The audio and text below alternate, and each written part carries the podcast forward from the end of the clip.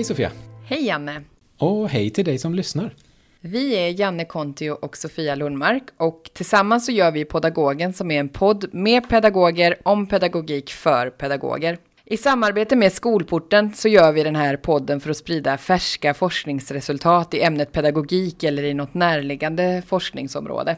Målet är att den här podden ska utgöra en brygga mellan akademin och pedagogerna ute i landet. I den här poddserien så intervjuar vi forskare som har skrivit akademiska avhandlingar i ett ämne som vi tycker borde få mer ljus på sig och ett ämne som vi tänker att pedagoger borde få veta mer om. Oftast är de här avhandlingarna färska, så att vi har ett syfte också att sprida färsk forskning i våran podd. Och vårt mål är att spela in poddavsnitt som har en så stor bredd vad det gäller både pedagogiska ämnen och eh, olika pedagogiska verksamheter och också en stor bredd vad det gäller eh, spridning ute i landet. Så vi intervjuar forskare från hela landet i den här podden. Ja, precis. Och den här gången så tog den här podden oss ända till Kalmar där vi träffade Marina Wernholm som har skrivit en avhandling som berör någonting som många utav oss stöter på, nämligen ungdomar. Små mm. barn som, och deras eh, arbete med, eller deras liv med och i skärmar. Och eh, det här med att gå från att vara en konsument som konsumerar det som skärmen bjuder på till att bli en producent utav medieinnehåll är det som ligger i fokus för Marinas avhandling. Och både du och jag har ju barn som mm. i lite olika åldrar befinner sig i den här skärmvärlden på olika sätt. Jag vet att min dotter hon eh, började på Musical.ly och dansade tillsammans med sina vänner och det där blev ju ett dels någonting som skedde digitalt då förstås, som spelade in det här och producerade ett innehåll som andra kunde se. Men det var också någonting som skedde liksom i det fysiska rummet, att de faktiskt stod och dansade, en kanske filmade och så vidare. Du har ju en grabb också som sitter vid skärmen, vad gör han där? Ja, just nu så sitter han i samma rum som oss här och eh, spelar på sitt Nintendo Switch. Och väldigt ofta när han gör det så spelar han tillsammans med sin kusin, så då kopplar de upp sig på Facetime via någon eh, iPad eller telefon och så spelar de tillsammans. Då låter den här iPaden ligga vid sidan av och så spelar de i samma spel i samma miljö så att de är både på plats och i det digitala rummet. Och det gör ju även din yngsta dotter också med sin kusin, så vi har tänkt att det här kanske är en kusinverksamhet, att det här är någonting som man gör med sina släktingar som kanske bor långt bort, att det är också en möjlighet att mötas i det digitala rummet på olika sätt. Just det, det bryggar det där avståndet som finns mm. geografiskt till att man faktiskt kan se varandra och spela tillsammans. Trots ja. att man inte sitter i samma fysiska rum. Ja, någon som vet lite mer om detta är ju Marina Wernholm som sagt som har skrivit en avhandling som heter Children's Learning at Play in a Hybrid Reality.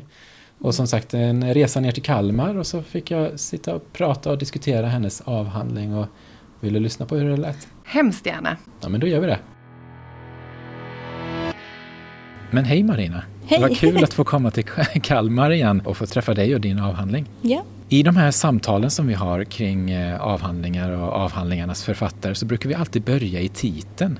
Skulle du vilja förklara din titel, Children's Learning at Play in a Hybrid Reality? Ja, alltså den är lite dubbel för att det är lite children's learning at play, att man kan tänka sig att det är värld som står på spel också, som är dubbelheten i den också. Och jag fick en fråga om det, men jag missade lite det på disputationen, så det var väl bra att du ställde titeln om det här. Men alltså, det handlar ju naturligtvis också om children's learning at play, alltså i lek.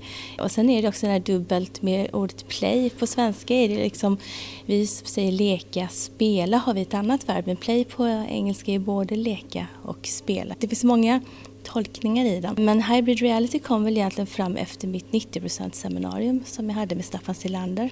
Och ibland får man ju hjälp av andra och se vad det är man har kommit på egentligen. Och jag tror att det var där liksom, ja men det är den här hybriditeten som jag faktiskt hade undersökt men inte riktigt så. För att eh, jag insåg ju att de gör ju saker liksom, de sitter i samma rum men samtidigt så är de ju också situerade i, liksom, i de här digitala världarna. Så det finns ju någon slags hybriditet och, och när sker vad? Att det är så svårt att separera de här världarna.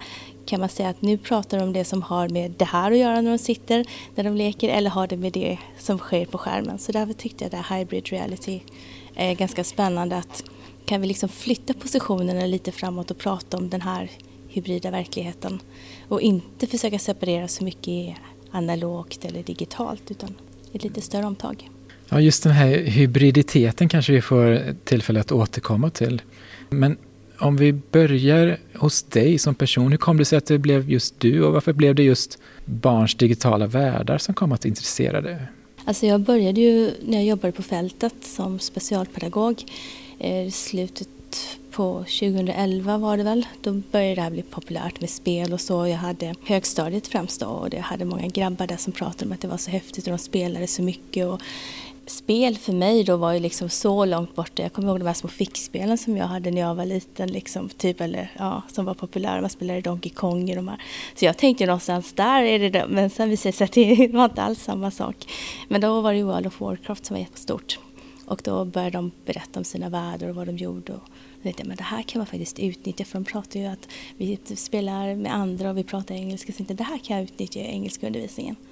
Så vi började prata om detta och de fick prata på engelska och de var ju jätteduktiga. Så där fick jag lära mig mycket om spelen men också kunna se potentialen av att liksom utgå från ungdomarnas erfarenheter och plocka upp det. För jag kunde få dem att göra väldigt ganska tråkiga saker kan man tänka sig, grammatik och verb. Men de förstod inte att det var det vi pysslade med utan verb förstod vi liksom. Men vi kunde ändå att berätta om vad du gjorde igår, berätta om vad du tänker göra imorgon och sen ja, men det blev en väldigt naturlig del i undervisningen. Så där tänkte jag att här finns det något. Sen hade jag ju två egna pojkar som då också eh, spelade. Och där såg det här förändrade spelbeteendet hos min yngsta. Att han innan kunde sitta i soffan med sin laptop. Men sen så skulle han då in i sitt rum och det var stängda dörrar.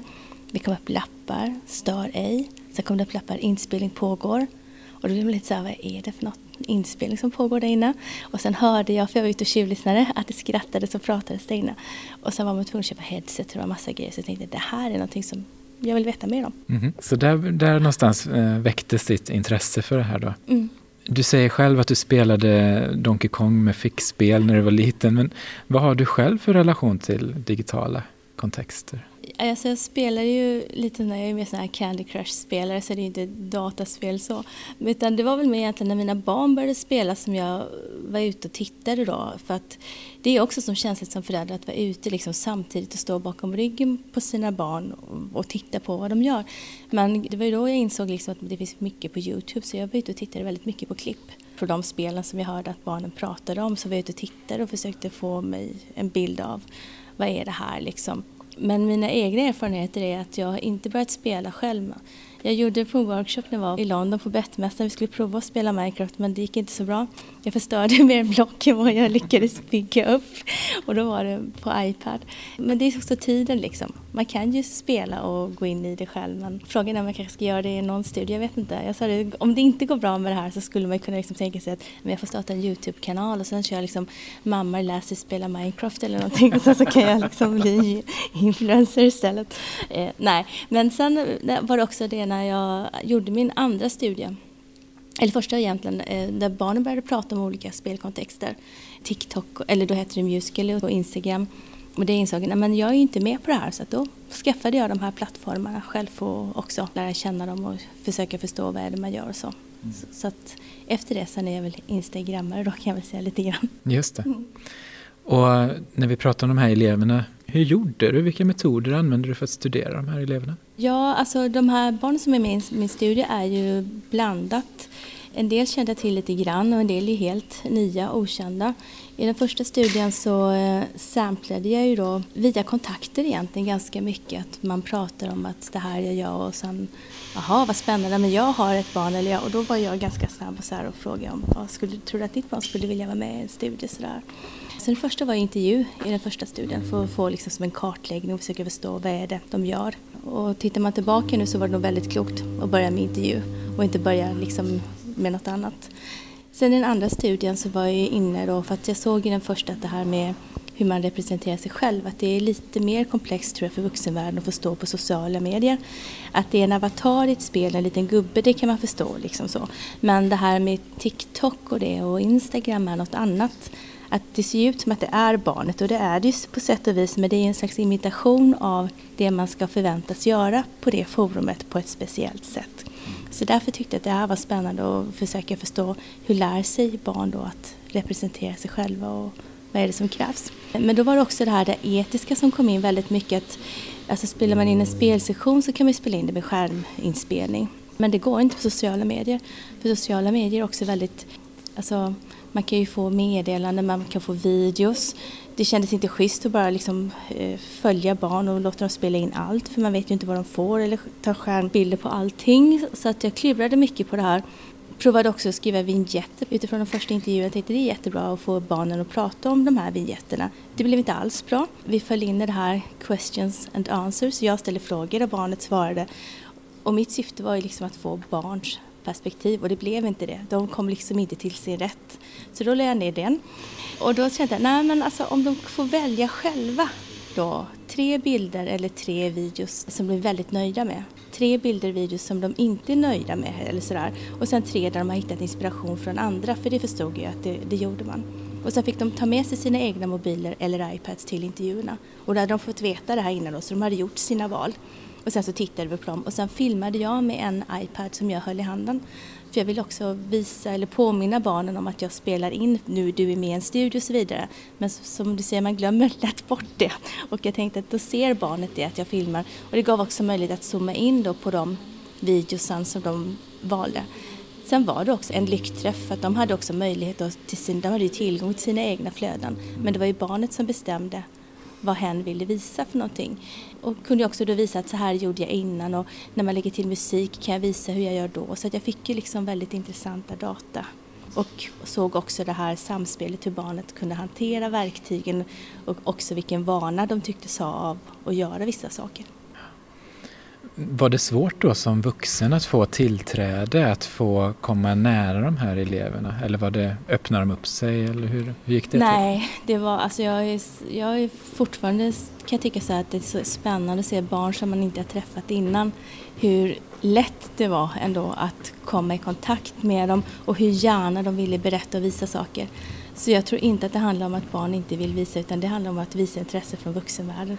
Och det var ju som någon mamma sa, oj har ni suttit liksom i, de flesta intervjuerna var ju nästan upp mot en timme och det är förhållandevis unga barn, 8 till 12 år, som stannar kvar i en intervju. Så ja, det var spännande, men jag tyckte att de var väldigt så. Du pratade inledningsvis om det här med hybrid verklighet. Vill du säga någonting mer om det, vad det är för någonting i din studie och varför det blev viktigt? Jag då tänkte jag att det här handlar liksom om att försöka förstå det som en helhet, den här hybriditeten. Att å ena sidan så sitter de då i samma rum som i den tredje studien de satt och spelade. Men också så finns de ju då som små avatarer i spelet då Minecraft vad jag tittar specifikt på. Och se liksom hur de eh, iscensätter identiteter, det sker ju både i rummet, att de positionerar sig, det sker också i spelet. Sättet att uttrycka sig, sättet att kommunicera sker här i rummet men det sker också på skärm där de chattar ibland och fast att de sitter i samma rum så använder de chattfunktioner ibland och så vidare. Då. Så att, att liksom förstå det här vad som krävs. För det är så lätt att man bara riktar fokus på okej okay, nu tittar vi bara på det som sker i rummet eller nu tittar vi bara på det som sker i skärmen. Men det här är ju liksom en kombination. Och jag tyckte att för att få fram kanske komplexiteten så tror jag att det gav mer att se det liksom som en praktik som jag skrivit oss för lek och lärande. Och jag tänker att det är en allt mer vanligare praktik för lek och lärande och det kryper ju ner i åldrarna. Och, man, och jag, hör, jag får höra det av studenter jag möter för det är klart man pratar om sina intressen, man pratar om sin forskning och så får man ju väldigt intressanta berättelser. Nu bland annat om förskola till exempel, de ser också hur det kryper ner i åldrarna och hur barn i förskoleåldern pratar engelska med varandra liksom. Ja, du pratade tidigare om att eh, du la örat mot dina barns dörr och kunde höra hur de hade någon slags eh, samtal och inspelning. Och i dina studier så ser vi också att eleverna är väldigt medvetna om sin publik. Hur resonerar barnen kring hur de framställer sig själva och vart hittar de sina förebilder till sin inspiration? Förebilderna skulle vi säga, det är ju att de tittar väldigt mycket. Och det som jag tycker lite så det man säger, oh, de bara konsumerar. Men jag skulle säga att nej, jag tycker inte att de bara konsumerar. För de jag hade i min studie, de reflekterade oerhört mycket också. Och tittade på de här klippen som en som sen skulle bli en producent. Så det var liksom inte bara slöt utan man tittade, man granskade detaljer. Vad skulle jag kunna ta med mig? Vad låter jag mig inspireras om? Aha, det är så här man gör det, då kan jag också dra nytta av det här. Liksom. Eh, så det handlar ju väldigt mycket om att de tittar på sina idoler, om vi kan säga de här influencersen och tittar på hur gör de och så, så härmar man ju, eller man vill ju göra likadant. Men man vill också lägga till något eget de här så att man då liksom kanske blir den här som andra följer och, och gillar liksom. Men det fanns ju en otrolig medvetenhet om publiken. Och också det här att en tjej som höll på med små hästar som hon fotograferade i olika miljöer och hur hon berättade att det var så viktigt hur de stod och ljuset. Alltså hon pratade nästan som en proffsfotograf och man var tvungen att tänka på vinklarna och hur ljuset föll in och miljö. Alltså det var väldigt så genomtänkt. Jag hade förmånen att träffa henne i både studie 1 och studie 2. Men i studie 2, där hade hon lagt ner det. För att då var det så att hon fick inte lika mycket likes, det var inte så mycket kommentarer. Så sa att, nej men liksom, när ingen bryr sig, varför ska man då hålla på liksom? Så att det finns hela tiden det här att när man inte får gehör eller när man inte får publik då tröttnar man lite liksom och så får man hitta något nytt. Så att då var det liksom en ny grej hon hade hittat då. Då var det väldigt mycket käpphästar, då var det jättestort. Jaha, då var det käpphästar istället? Då var det käpphästar. Så det, det, följer ju också de här trenderna. De pratar ju väldigt mycket om att man måste vara med och titta liksom vad är det som är populärt och vad gör de andra för någonting. Och just Instagram tänkte väl jag innan att hade jag den att det var bara bilder liksom, men här är det ju väldigt mycket tutorials, alltså filmer som man visar också då, klipp och lägger upp liksom. Det hade jag ingen aning om och sen eftersom jag bara hade pojkar så var ju jag väldigt lite medveten om vad flickor gjorde. Så där blev ju liksom en ny värld som öppnade sig.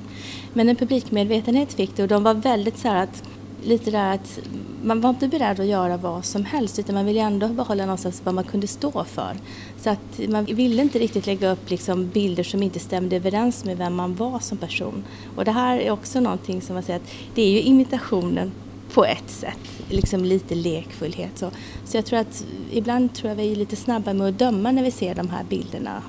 Och ställ frågor om det istället, var nyfiken. Vi tangerar det här med kön och könade identiteter nu. Mm. Och jag tänker att vi kan prata lite mer om det. Vad såg du i förhållande till det? Vilka egenskaper exempelvis var det som premierades bland tjejerna? Och vad skiljer egentligen tjejerna från killarnas spel och lek? Jag tittade inte specifikt så på liksom killar, men om man bara ska liksom prata lite generellt. När jag var ute så var det ju väldigt mycket Eh, tjejerna höll på med TikTok, det var olika danser, olika eh, sånger eller rörelser då som var speciellt populära så då gjorde man det. Men det fanns även pojkar som ägnade sig åt det också så det är svårt att säga de här hårfina gränserna. Sen var det ju också då Instagram, det var också bilder och där var det också, det var ju, då var ju bara en eh, kille med den studion. Han hade nästan precis kommit igång men han var ju väldigt inspirerad då av att titta på vad andra gjorde som hade. Det var ganska mycket kreativa saker. Hur man gjorde olika tavlor var han inne och tittade på och sen gjorde han likadant. Så att det fanns det också. Killar, om man tittar på spel så var det väl kanske då att eh, tjejerna spelade, båda spelade Minecraft, både killar och tjejer. Skillnaden var väl då att killarna lite snabbare eller i tidigare åldrar var med ute på de här servrarna där man mötte andra och, och tävlade. Så att den åldersgruppen flickor, de var ju kanske 12, 12 då, de som jag tittade på som höll på och nästan just hade börjat. Men det var samma egentligen typ av spel de ägnade sig åt men liten förskjutning i ålder skulle jag vilja säga då hos flickorna. När de börjar så var det väldigt mycket som flickorna pratade om att man ville göra fina hus, det var mycket med djur och man ville liksom styla husen. Det pratade ju inte pojkarna om utan det var det mer att göra häftiga hus och det var kanske lite mer vapen och det var lite elektricitet. Och, men det var också tjejer som pratade. Så att, ja, alltså de ägnar sig åt samma plattform men kanske det skiljer sig lite om vi tar ett sånt spel som Minecraft där de kan bygga sina egna världar. Mm. Vad kan vi som vuxna lära oss av att läsa din avhandling om de här barnen och deras digitala lekplatser? Jag hoppas att det ska bidra till en mer nyanserad bild av barn. Att det inte är så svart eller vitt. Att de inte antingen är passiva eller jätteaktiva utan det finns också allting här emellan. Och att man är nybörjare kanske på en arena men sen är man väldigt duktig på någonting annat. Men de skiftar också väldigt mycket. Men det som jag framförallt som jag gjorde då, det var att jag tittade på båda miljöerna. För det var ju väldigt uppenbart att när de kommer upp i 10-11 års åldern då är det både spel och sociala medier oavsett kön. Liksom. För många tidigare studier har ju antingen tittat på spel eller sociala medier men då tycker jag då missar man också lite av det här att de måste lära sig båda för det är ganska stor skillnad på hur man beter sig inom spelvärlden och sociala medier. Så man måste knäcka koderna här på flera praktiker, liksom hur man ska bete sig. Alltså jag säger också vuxna som träffar barn, lyssna. Fråga barn liksom att vad gör du, varför gör du det, hur gör du det, varför är det så roligt att göra det? Alltså också ett intresse, för ibland känns det som det blir lite negativt. Och det har jag också fått många föräldrar att säga, man vågar ju nästan inte säga att mitt barn håller på och att de får spela så där många timmar. Det är nästan lite fult. Och då tänker jag också att, ja, men då, då tänker jag så att vi måste komma tillbaka till vadet. Vad är det de gör? Hur gör de det? Är det liksom bara konsumtion eller är det faktiskt så att de har kompisar då som de träffar fast på andra sätt? Jag tror att det här andra sätt, annorlunda, vi finns ju någonstans i vår föreställning av, man tänker att så borde det gå till när man träffas. Men det gör inte det då. Utan då kanske man istället får säga att nej, det var bättre förr så kanske det finns andra saker som faktiskt är bra också. Till exempel om man bor på landet där det är svårt kanske då att få skjuts. Här finns det faktiskt möjlighet att fortsätta och leka direkt efter skolan utan att någon behöver skjutsa, man behöver vänta på att och ta sig någonstans. Liksom. Så att jag tycker att lite mer nyanserad diskussion hoppas jag att den kan bidra till. Det tror jag redan att den gör. Jag, jag, tycker att det är en av de absoluta styrkorna med din eh, avhandling är just att den här stängda dörren, den gläntar du lite på så att man får kika in lite i, i de här barnens världar. Men med det sagt så, så är det ju så att i, i, medier så hör vi ofta upprörda röster som talar om faror med barns möten med digitala kontexter. Är det någonting som vi kanske ändå borde ta på allvar? Och finns det risker förknippade med barns skärmtider? Ja, det, det, är självklart att det gör det. Och det tycker jag liksom att barnen pratar väldigt mycket om. Det, att de förstår själva att det inte är bra att bara sitta. Liksom. De var ju väldigt medvetna tyckte jag ändå, de här, fast att de var 8 till 12, alltså förhållandevis unga. Att de svarar inte vem som helst, de skickade inte till vem som helst. Utan då kollade man av, känner du vem kanelbullen 28 är liksom, nej det vet jag inte hur, nej men då kanske man inte svarar eller så blockar man då om man får liksom så. Eller så säger man till. Men jag tycker att de här etiska diskussionerna, det tänker jag också, vi har ju de skrivningarna idag faktiskt i våra styrdokument. Att det handlar om också att hur ska man bete sig idag i en digitaliserad värld så är det här en del av det. Varför ska man inte lämna ut sina lösenord till exempel? Det är ju en sån sak. Hur pratar man? Hur diskuterar man? Så det är sådana diskussioner jag tänker vuxenvärlden måste våga lyssna av och ge oss in i. Jag tycker det är problematiskt man då, för mig är det lite att gå lätta vägen och säga men nu förbjuder vi. Jag ser hellre diskussionen och problematiseringen med barn och ungdomar om detta.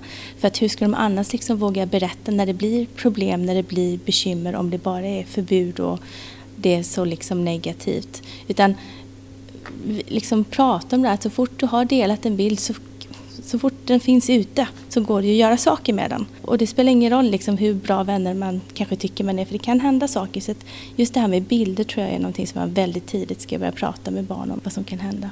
När jag läser din avhandling så kommer jag nu faktiskt för första gången i kontakt med begreppsparet Connected Learning och Connected Play. Vad tycker du att de här begreppen tillsammans bidrar med? Och vad innebär lärande i det här sammanhanget? Ja, alltså det här kom jag ju själv och stötte på då när jag höll på i mitt avhandlingsarbete och tänkte att det här connected learning, liksom man tänker att de tidigare erfarenheterna har betydelse och hur kan vi liksom koppla an dem då i de här miljöerna. Sen hade jag ju förmånen då att få åka på ett forskningsutbyte då så att jag kunde åka till Mimi-Itos forskningsmiljö i åtta veckor på UCI och vara där i det här på ett helt annat sätt och var också där på den konferensen och kunde lyssna då på hur praktiker jobbar med det här connected learning, hur det liksom spiller ner i en praktik. För där är ju inte riktigt vi. Men alltså begreppet så handlar ju mycket om och det är ju, har ju hämtat inspiration både från Dewey och Leiven Wenger kan man säga det här att man tänker att det sker liksom ett socialt lärande och att man lär av varandra. Och också att man problematiserar det här med skillnader, alltså att alla barn ska ju ha rätt till att lära sig leva i ett digitaliserat samhälle oavsett vilken bakgrund du har så ska du liksom finnas i det här. Och Connected Play ju, var ju mer egentligen så att man pratar om Connected Play, att man tänkte sig många arenor som blir connected online, offline, nationellt, internet, alltså väldigt mycket så. så att det finns ju mycket i de här begreppen som jag tyckte tillförde mitt arbete andra dimensioner. Eftersom de är ute på de här arenorna så är det ju ett connected learning, alltså kan man också tänka sig att man kopplar upp och man liksom märker, ja jag ska säga nya perspektiv tror jag när man träffar barn från andra länder. Där de pratar om det också och ser det liksom inte bara från ett svenskt perspektiv utan man lär sig mycket om andra kulturer också. Så det tänker jag också är en connected play och ett connected learning liksom, om man ser det lite större. Ja, spännande. Din avhandling har en tjusig bild på omslaget. Vad föreställer den? Det är eh, min son som har byggt ett hus som han har designat själv, som är ganska komplext. Jag förstår inte att det är så komplext, men det, det ska, han har jobbat mycket med den bilden. Ja, den imponerade på mina barn i alla fall. Ja, okay. Om vi då ska försöka knyta ihop den här säcken och liksom dra ut de allra viktigaste bidragen ur den. Vad vill du att lärare ska ta med sig från läsningen av din avhandling? Jag tycker att respekt och erkänna barns kulturer och de erfarenheter de har med sig. Nulägesanalys kan man ju prata om då när man kommer till en pedagogisk praktik. Att vad är det för barngrupp jag har framför mig? Vad har de för erfarenheter? Ställa frågor. Vilka miljöer känner ni till och vad gör ni där? För jag tänker det är ledtrådar till vad man skulle kunna jobba vidare med och vad man skulle kunna plocka upp. För det är också så det finns, som jag sa, allting här emellan. De som inte har någon erfarenhet alls och de som är väldigt duktiga och allting däremellan. Men kan man se att den barngrupp jag har framför mig är resurser för varandra. Och det är det som är liksom själva tanken och sättet att tänka och lära. Jag tror att det är liksom det som jag tyckte framkom mycket i mitt avhandlingsarbete. Att det är inte bara annorlunda utan vad är det som är annorlunda? Och jag tycker det finns ju mycket som skiljer om vi tittar på kanske ett ganska traditionell skolundervisning här. Att jobba och sitta med en egen textbok och läsa, svara på frågor till att hela tiden kunna diskutera, kommunicera, problematisera, testa. Det här med misslyckanden är ju någonting som jag tycker är också intressant. att Ja, misslyckas det gör man. För att man är på väg mot någonting som ska leda till ett lyckande. Och då är misslyckande bara en del av det. Så det är ju liksom, så är det. Men jag tänker att ser vi på det misslyckande på samma sätt i pedagogiska praktiker, där tror jag vi har liksom en utmaning. Hur många gånger får man misslyckas i skolan? Utan det är möjligt att göra det, men att det får en också tänka om och tänka nytt. Alltså att lite tänka outside the box liksom. Men att dra nytta av det barnen kan, mm. skulle jag väl säga. Jag är väldigt förtjust i din avhandling. Jag tyckte det var en fröjd att läsa den och ett väldigt lättillgängligt språk och en bladvändare för mig som läsare. Men om jag som läsare ändå skulle vara lite ovan av att läsa avhandlingar exempelvis.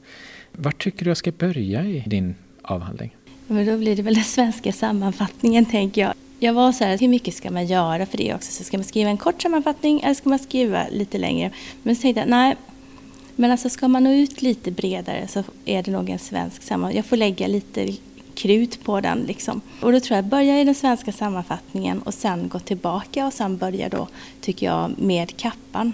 Och sen kan man ta artiklarna sen om man är specifikt intresserad av liksom just det här kanske med deltagandet. Och det finns ju modeller som har gjort det. Det var ju ett sätt att försöka liksom kommunicera resultaten på ett sätt där finns det någon modell som man skulle kunna använda då som praktiker i sin analys eller sitt sätt att tänka när man designar aktivitet. Till exempel den sista artikeln då med lek. Så det var en tanke att kommunicera också med bilder eftersom multimodalitet då är någonting som jag tror på underlättar för väldigt många. Och jag tror att det underlättar också för en läsare som ska läsa en avhandling.